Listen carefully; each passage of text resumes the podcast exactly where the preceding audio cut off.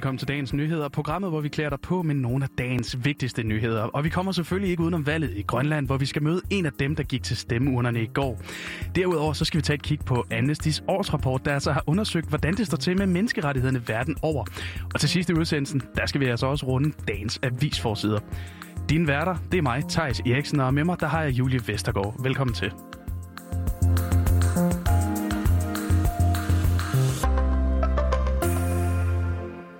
Øh, hvad siger du til det, Julie? Skal vi ikke bare springe ud af det?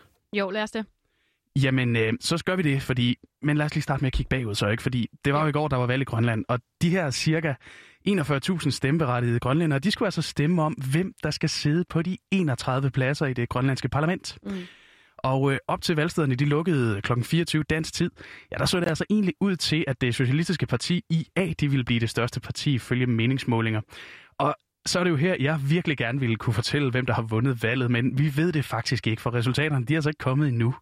Der er dog tegn på, at Siumut de har tabt stemmer rundt omkring i landet, for ifølge KNR, der bliver borgmesteren i den sydgrønlandske Kujalek Kommune fra IA, og lad os da også lige høre fra en grønlænder, fordi i går aftes, der talte vores kollega med Akaniviana Mørk Pedersen, som altså er 26 år, og hun fortalte, at stemningen den havde været lidt hektisk i går i Nuuk, hvor hun altså bor. Lidt hektisk der er gang i den i dag. Altså for det første er vejret ikke helt med os. Der er sådan lidt mere eller mindre oversvømmelse over det hele. Så og mange mennesker, der skal til et valgsted. I hvert fald i Nuuk. Og selvom det tit er sikkerhedspolitik og stormagter som USA og Kinas indflydelse på Grønland, så er det altså ikke det, der bekymrede grønlænderne op til valget, ifølge en undersøgelse, der altså er lavet af Grønlands Universitet og så HS Analyse i februar. Mm. Kan du prøve at fortælle, hvad det var, der bekymrede dem? Jamen, det er jo især to områder, som har fyldt meget i grønlændernes hoveder op til valget. Mm. Det ene det er sociale udfordringer, og det andet det, det er minedrift i Sydgrønland for problemer med arbejdsløshed, stigende leveomkostninger og økonomi. Det er altså de største bekymringer blandt grønlænderne ifølge den her undersøgelse. Og så er der altså også det her famøse mineprojekt i Sydgrønland. Og Aka Niviana Mørk Pedersen, hun fortæller altså, at det fylder meget hos hende og i dem omkring hende, det her mineprojekt. Ikke for alles, men det fylder rigtig meget, både i ligesom, den offentlige debat, men også i de samtaler, der er omkring valg i de private hjem. Altså, hvad, hvad for nogle konsekvenser har det for naturen, altså forurening og lokalbefolkningen, som er rigtig meget imod det. Og det synes jeg, vi også skal respektere. Og vi talte jo også lidt om det her mineprojekt tirsdag, og det handler jo om, at der er enormt mange sjældne jordarter i Kvanefjellet. Det vigtigste af dem, det er metallerne neodymium, dyprosium, og så praseodymium og terbium. Og det er jo ikke lige fire ord, som får en til at sige, nå ja, dem, dem kender jeg da egentlig godt. Nej. Men de er faktisk helt afgørende, når det kommer til magneter. Man bruger dem nemlig til at lave nogle af verdens allerstærkeste magneter, som altså blandt andet skal bruges i elbilers motorer og mm. også i vindmølleturbiner. Mm. Og derfor så ville det altså også være noget, der kunne give Grønland en, en rimelig stor økonomisk gevinst. Ja, jeg kan godt huske, vi, vi snakkede også om det i går, men øh, jeg kan ikke huske, hvor meget det var. Jamen, ifølge det australske selskab Greenland Minerals, som altså siden 2007 har arbejdet med at analysere kvanefjellet og lave alverdens undersøgelser og så talt godt om det i offentligheden, så står Grønland til, at de kan tjene lige over halvanden milliard kroner om året i 37 år. Altså lige lidt over 56 milliarder i alt. Hold op, det er godt nok mange penge. Det er virkelig mange penge, men det er jo ikke lutter lavkage, fordi øh, i det kvanefjellet her, der er der altså også både uran og thorium, og de er begge to radioaktive, og det er altså også noget, der bekymrer lokalbefolkningen. Og det er faktisk også en af de ting, der bekymrer Akka Niviana Mørk Pedersen. Jamen, først og fremmest i forhold til klima, der er den her kæmpe debat om en uranmine, der er nede i Sydgrønland, og jeg primært gik efter ligesom et parti, der er imod det her udvinding og imod det projekt. Øh, jeg går meget op i klima, øh, ligesom hvad gør vi med de her, de her klimaudfordringer, der er i rundt i verden. Jeg synes bare, det er vigtigt at passe på vores land, vores natur og naturen rundt omkring i verden. Og øh, hele det her projekt, ja, det bliver altså til noget, hvis Siumut de kommer ud med flertallet og skal danne regering, fordi de har altså tidligere sagt, at de støtter Kvanefjeldsprojektet. Dog lige på en betingelse af, at The Greenland Minerals, de altså kan garantere, at det ikke kommer til at få nogen negative konsekvenser for klimaet og for miljøet. Mm. Men øh, hvis det så bliver IA, der løber med sejren, og vi ved det jo altså ikke endnu, mm. så er bekymringerne irrelevante, fordi hvis de skal danne regeringen, ja, så har de altså sagt, at de ikke støtter mine projekter i Grønland. Ja, og så skal det handle om den her årsrapport fra Amnesty. Den har nemlig gjort status på situationen i 49 lande i 2020, og analyserer altså, hvordan menneskerettighedssituationen den ser ud verden over. Og Thijs, du får nu et gæt. Uh. Ja, for hvad tror du, de vigtigste, en af de vigtigste pointer i den her rapport, den relaterer sig til? Jamen, jeg tager det helt billige gæt, og så gætter jeg på coronapandemien. Lige præcis. Amnesty de konkluderer i rapporten, at coronakrisen har ramt udsatte grupper som etniske minoriteter, kvinder og sundhedsarbejdere hårdest, og at adskillige, adskillige undskyld, øh, statsledere de udnytter den her krise til at forstærke deres angreb på menneskerettighederne og civilsamfundet. Det fortæller Tine Christensen, som er generalsekretær i Amnesty Danmark de vigtigste pointer, som, som vi har set igennem øh, 2020, jamen det relaterer sig jo ikke sådan særlig overraskende rigtig meget til, til covid. Øh, og, og hvad den her pandemi har betydet.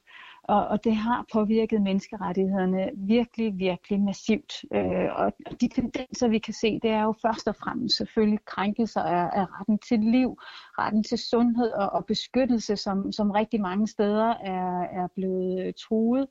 Øh, så ser vi også en øh, stor stigning af kønsbaseret vold, vold mod kvinder og trusler mod seksuelle og reproduktive rettigheder, der også er foregået i den her tid, og i øvrigt også ret meget sværere at få fat i hjælp, når det er, at man er i lockdown. Øh, og så den tredje meget, meget tydelige tendens, det er en, en undertrykkelse af kritik og, og underminering af ytringsfrihed.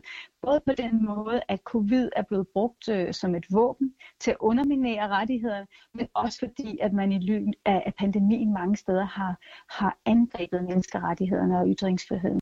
Ja, det er ikke lige frem positive pointer, som Tine Christensen hun her fremhæver. Og derfor står vi ifølge hende altså også over for et stort oprydningsarbejde på grund af pandemien. Og en gruppe, der har været særlig hårdt ramt under den her pandemi, det er sundhedspersonalet, fortæller hun. 42 ud af de øh, af 149 lande, vi har, vi har researchet på her, der har vi fundet dokumentation for, at, at sundhedspersonale og frontlinjearbejdere, altså dem, der jo hjælper os igennem, alle sammen igennem pandemien, er blevet enten øh, fyret eller chikaneret eller sat i fængsel, fordi de har, øh, har, har været kritiske for eksempel, eller har, har fortalt, at der manglede værnemidler. Så det her det er altså noget, der rigtig mange steder har ført til en forfølgelse af, af de folk, som vi, som vi, jo, øh, vi jo netop i virkeligheden alle sammen burde udråbe til heltene. Ja, men det, der er faktisk ikke kun dårlige tendenser i rapporten her for Tine Christensen. Hun peger for eksempel på, at der har været inspirerende demonstrationer verden over hvor befolkningerne er gået ud og sagt, at vores allesammens rettigheder og frihed er så vigtigt, så det er noget, vi vil, også vil kæmpe for. Og det har vi jo set i Hongkong, vi har set det i, i Chile, vi har set i, i masser af forskellige lande, hvor at, øh, at, at befolkningen faktisk er gået ud og har sagt, altså det her, det, øh, det vil vi ikke være med til. Øh, men den anden ting, som, øh, som vi også skal være rigtig glade for, det er, at, vi, at der faktisk øh, også øh, her er nævnt Danmark som et af eksemplerne på en positiv udvikling. Sammen med Kroatien, Holland og Spanien, der har alle de her lande faktisk indført en forbedret lov øh, for at beskytte voldtægtsoffre. Ja, for Danmark os. Vi fik jo en samtykkelov i december 2020, og det var altså ifølge Amnesty et skridt i den rigtige retning. Men hvad viser rapporten ellers om Danmark? Det kan Stine Bæk gøre os klogere på. Hun er policychef i Amnesty Danmark, og øh, i Danmark har man også kigget på, hvad covid-19 har betydet for menneskerettighederne herhjemme der har vi taget øh, fat i covid-19 øh, og de problemer, som øh, etniske minoriteter oplevede øget verbal og fysiske overgreb under den første lockdown i 2020. Og man så også en stigning af vold mod kvinder, hvor flere øh, kvinder øh, søgte øh, hjælp øh, hos, øh, hos øh, de hjælpelinjer, der er. Ja, men udover pandemien, så får vi herhjemme altså også kritik fra Amnesty på en række andre områder. Vi øh, kritiserer de forhold, der er øh, for frihedsberøvede migranter og afviste asylansøgere i Ellebæk. Øh, vi kritiserer ghettoparken, øh, som vi mener er udtryk for etnisk diskrimination i forhold øh, til bolig, øh, fordi den øh, jo definerer øh, ghetto øh, primært ud fra en etnisk kategori om, hvor mange øh, af beboerne i et såkaldt ghettoområde, som øh, har ikke-vestlig øh, baggrund. Vi øh, sætter også øh, fokus på, at der i Danmark øh, mangler lovgivning om ansvarlig virksomhedsadfærd, øh, som vi mener, der, at øh, der skal være en pligt øh, for danske virksomheder til at sikre menneskerettighederne i øh, sine aktiviteter både i og uden for Danmark. Ja, så der er altså rigeligt, Danmark kan kaste over ifølge Amnesty. Og øh, nu er det så også tid til, til, at vi ser på, hvad aviserne de har på forsiden her til morgen. Og øh, lad os starte med Jyllandsposten. Mm. Her der har de nemlig et rigtig fint før- og efterbillede på forsiden i anledning af, at rigtig mange fik fikset frisøren i går, da de liberale erhverv genåbnede. Mm. Det betyder selvfølgelig også, at frisørerne de havde helt vildt travlt. Og de forskellige lyntestcentre, de havde altså også exceptionelt travlt, og for første gang, der overhaler antallet af lyntest, altså nu antallet af PCR-test, det viser tal fra, fra Statens Serum Institut, SSI. Okay. Mm. Og øh, en anden historie i Jyllandsposten, de kører på forsiden, den handler altså om erhvervsmanden Rias Bot, der har fået udbetalt millioner af kroner fra statskassen i coronahjælpepakker til sin kæde af Burger King-restauranter. Mm. Og ja, men det er altså på trods af, at han har en dom på to et halvt års fængsel for moms og skattesvindel. Super. Hvad, øh, hvad har de på forsiden af politikken, Julie? Jamen, politikken har mødt en af de kvinder og nogle af de børn med dansk tilknytning, der bor i Al-Røg-lejren i Syrien, og kvinden hun hedder Lisa, og hun er dansk statsborger. Hun har tilbragt tre år sit liv i islamisk stat og fire år i syrisk fangelejr og fængsel. Og nu sidder hun så som 31 år i den her lejr med begge hendes børn, Jasmin og adoptivsønnen Josef på fem år. Og politikken prøver altså at blive klogere på, hvorfor Lisa hun tog afsted til islamisk stat i første omgang, men de spørger hende også kritisk ind til, hvorfor at vi her hjemme i Danmark skal tage hende tilbage nu. Og det er altså en rigtig interessant historie i den her debat om, hvor, hvorfor man skal hente børnene hjem eller ej. Det må man sige, hun var godt nok også ung, da hun tog afsted, hvis hun er 31 nu, så var hun 4 eller 25. Ja, jo, og jeg synes bestemt, man skal give den et læs. Den er interessant.